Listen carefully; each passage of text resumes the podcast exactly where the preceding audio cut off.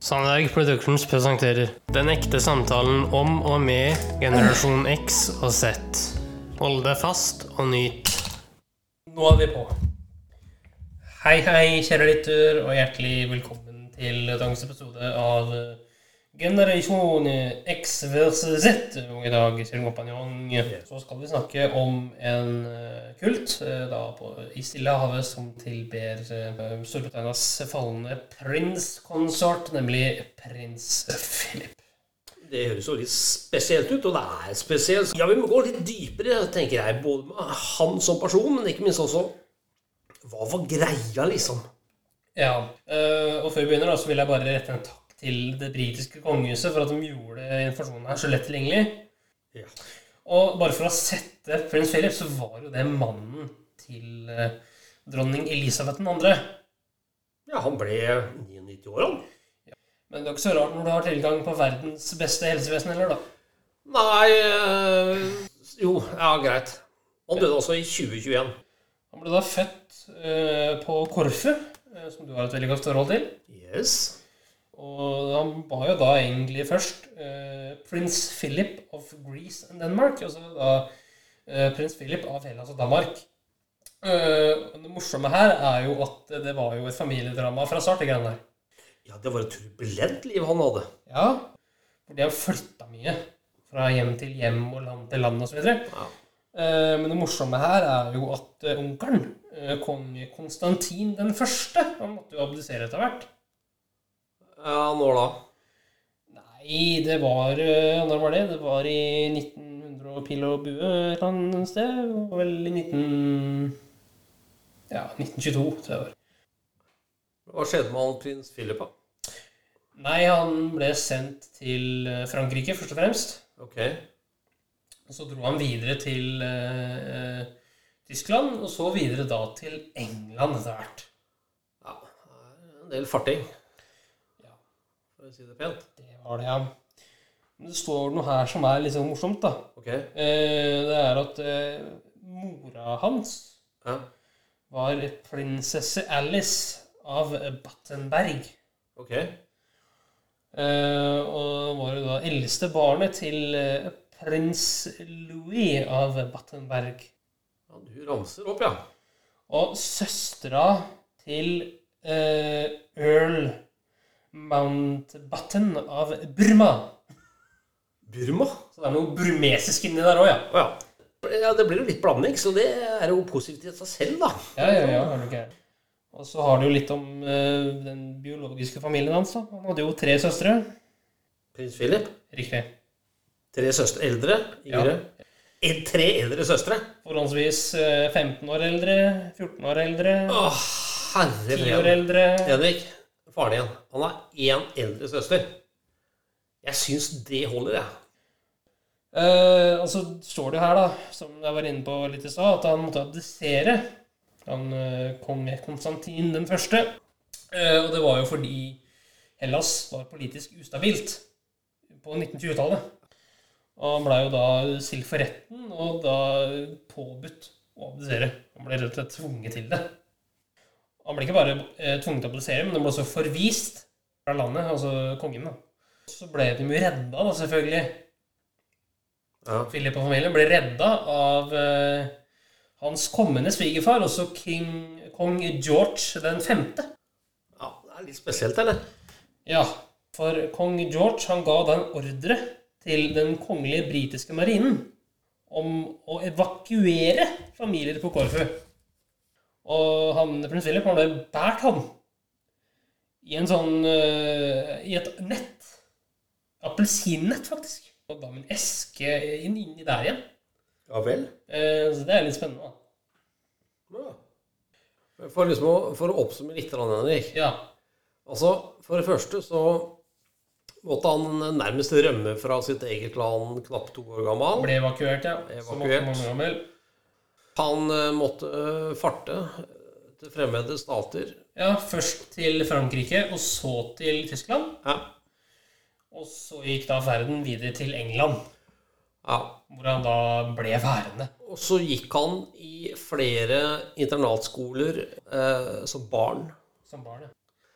Men jeg bemerker også, i tillegg til alt dette, Henrik, at han hadde tre eldre søstre. Ja, og mellom han og eldste så var det jo da 16 år, da. Men jeg er ikke ferdig, skjønner du. Du er ikke ferdig, nei? Nei. Langt derifra.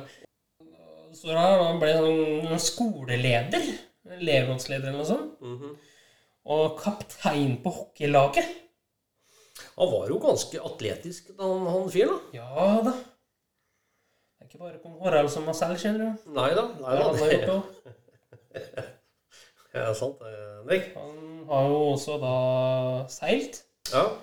Eh, til både Skottland og i Norge, på de kystene der, eh, på ekspedisjoner, da. Så det har jo vært, eh, sikkert vært spennende, det. Å dra til fremmede land og finne fremmede ting og snakke med fremmede folk og ja.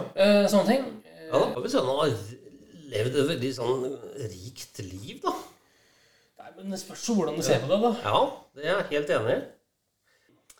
Vet du hvor mange taler han har hatt eh, siden 1952?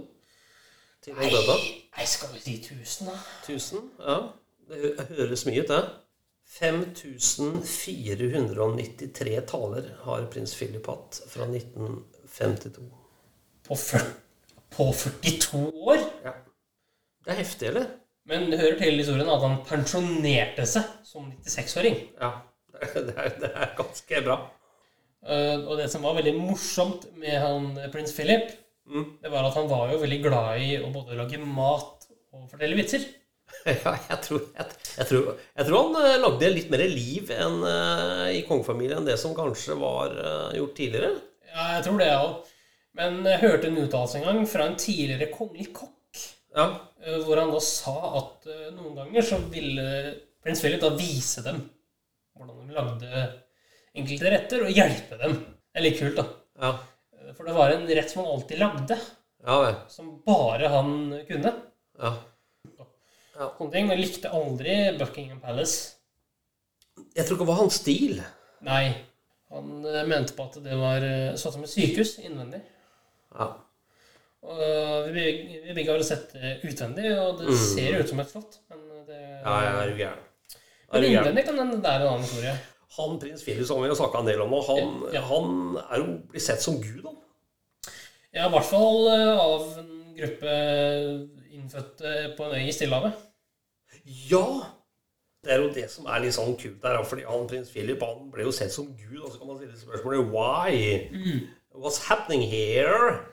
Og vi skal også, som du sier, Henrik, vi skal til Stillehavet, en øy som heter eh, Tanna. Ja. Og Tanna ligger i et land som heter Vanuatu. Ja.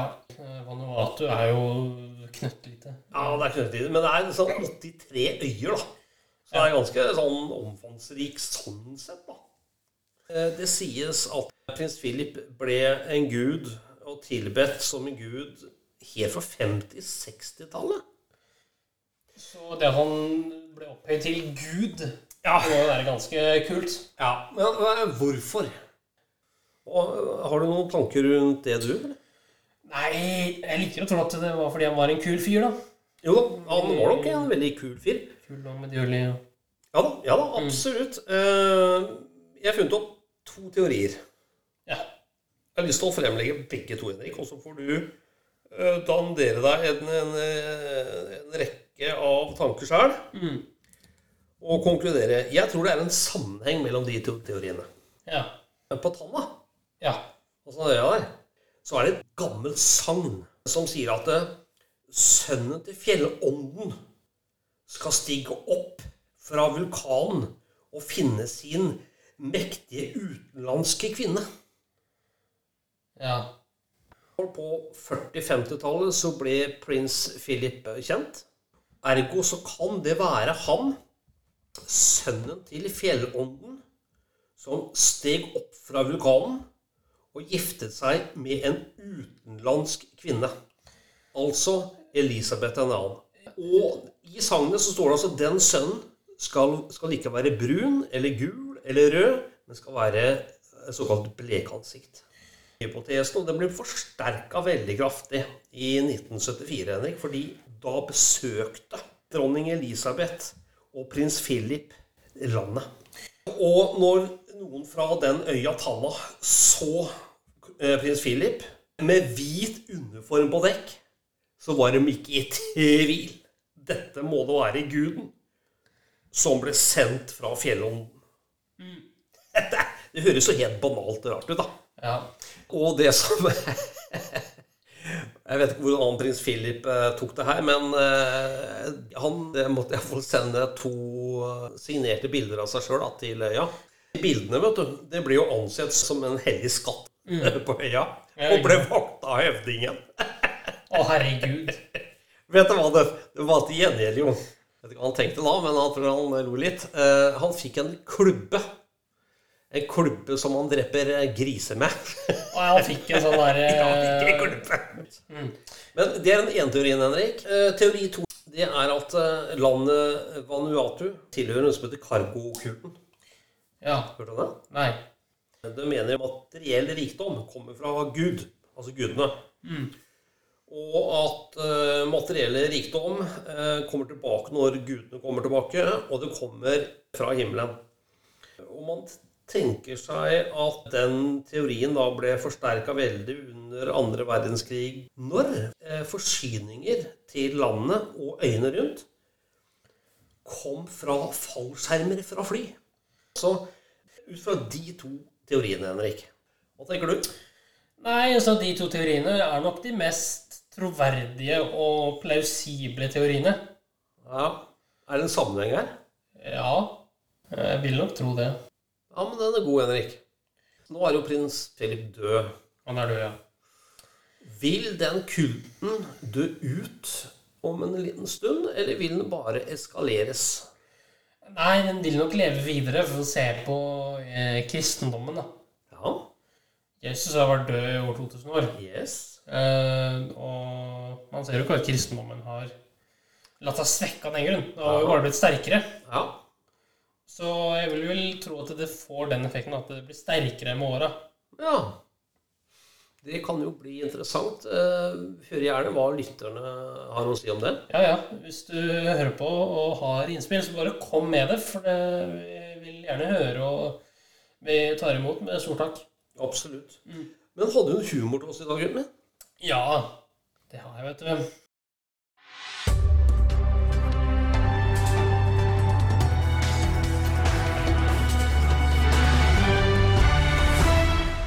NRK-hjørnet.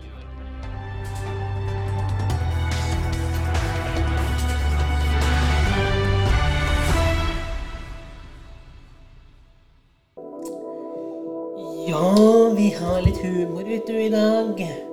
Ja, du har humor i dag, ja. Jeg er litt spent, for det er ikke alltid jeg skjønner humoren din, altså. Nei, jeg er liksom Bruce Philip. Jeg er en litt sånn rar humor. Eh. Men, Ja, ok. men i dag så skal vi til litt eh, norsk geografi og forvirringer. Ja. 30 000? Ja, da drar jeg litt ut, men det er større enn. Ja, Osterøy er vel Norges største innlandsøy. Ja, ikke spør meg. Ellers så var det noe annet. Osterøy er ikke Innlandet. Ok, da var det en annen øy jeg har vært med på. Men det er en eh, Du har ikke innlandsøyer. Jo, jo. Jeg er enig i at det fins øyer i Innlandet, og der står det hytte eller to. Nei, eller det er, fem. jo, jo, jo, det er mange tusen som går på største innlandsøya. Det betegnes jo som det for å skille seg fra da f.eks. Si Svalbard er en eh, utenlandsøy i Innlandet. Nei, eh, beklager. Svalbard er en norsk utenlandsøy, eh, for den ligger ute på fjordet. Eh, I Innlandet Jesus. Ja, men det her mener jeg at jeg har rett. I Innlandet Jeg har hørt at det er største innlandsøyen i Norge. Men jeg husker jo ikke navnet på der. Men jeg har vært der enten i en konfirmasjon eller et bryllup. Men det bor der er ovenfor Eknes, utafor Narvik. Hordaland distrikt. Der er det mye folk. Og det var poenget. der er det folk.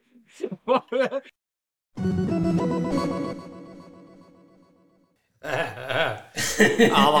Det, det, det jeg syns var godt her, Henrik, det er ikke bare vi som surrer. Nei. Det er godt å høre at andre, altså såkalt proffer, de kan surre. Ja, eh, og vi kommer tilbake til senere, men vi var, i- vi var på ferie, vi, eh, nylig.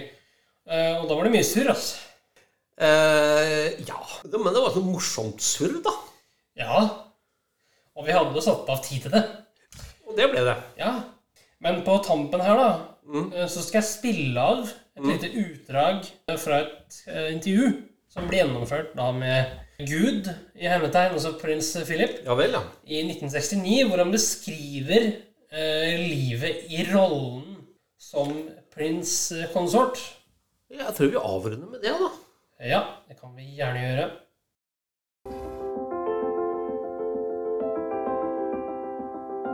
In the early years of your marriage, was it difficult to find yourself in, in the role in which you uh, uh, you were? Um, how do I put it so that I say it, It was correctly? difficult, yes.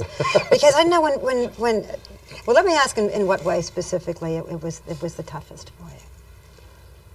Oh, I, that I really don't know. There, were, there are a lot of problems and difficulties. Inevitably, it's, it's, it's, it's an awkward situation to be in. Um, there's only one other person really like me, and that's uh, Prince Bernard of the Netherlands. And so we, we occasionally discuss. He's the only other member of the union, so to speak. You tell him your problems, and he tells you his. That's right. yeah. Do you get used to it? Oh, yes, you get used to anything. You'd be surprised. I had heard when I was in Wales, and, and perhaps it was a, just one of these foolish rumours that go around, that there might be some possibility of the Queen abdicating at some future date for her son. She is still such a young woman, and, and there might be some fears that uh, His Royal Highness might be a very old man um, if he, when he came to the throne. Is this something that has at all been considered, or is it just a rumour? As far as I know, it's a rumor. Um, I mean, it, has its attractions, uh, uh, obviously, but, um, no, I, I, I don't think it's it's been thought of very seriously. And and in fact, I'm not sure that the the advantages uh, necessarily outweigh the disadvantages, so to speak, of, of this course. Uh, the idea that that he would only be capable of, of making any contribution if he was sovereign is really not true. There have been so many cases where the heir has in fact had a very particular uh, ability to, to do things which he wouldn't have if otherwise. But I mean, these who knows? I mean, these these things. It's all in the future. Anything may happen. There are those who say that the monarchy is an anachronism, that its day is over, that it serves no purpose other than a kind of tradition and stability. What do you think its its main uh, purpose and advantages in this day for your country? I think it's a perfectly valid uh, system for, for producing a head of state as a start. Not only that, it, it, it exists and it has been very successful for a thousand years. It has the advantage that it involves a whole family, which means that there are different age groups are part of it. It isn't one single middle-aged man, no matter how worthy he may be. In a recent uh, poll in Great Britain, people said that if they were going to elect a president, you would be the man they elected. I wonder how you think you might have fared as a politician, if you would have enjoyed that life at all. That's a hypothetical question, which I don't normally answer. There seems to be no future in it. Well, I'm not a politician, and this system doesn't exist, so it's hardly worth worrying about. Ja. Har du noen sluttkommentarer, Henrik? Ja, det var jo et intervju hvor han ble stilt veldig til veggs, eh, prins Philip. Eh, Og det med rette. Ja, men jeg syns han også hadde noen relativt eh, klare og utydelige eh, svar. Ja, altså Han hadde veldig gode svar, men det kan jo hende det var litt utydelig til tider. Men uansett, Henrik, jeg kosa meg fælt sammen med deg i dag. Og, og jeg bare gleder meg til neste ukene. Ja, takk for nå.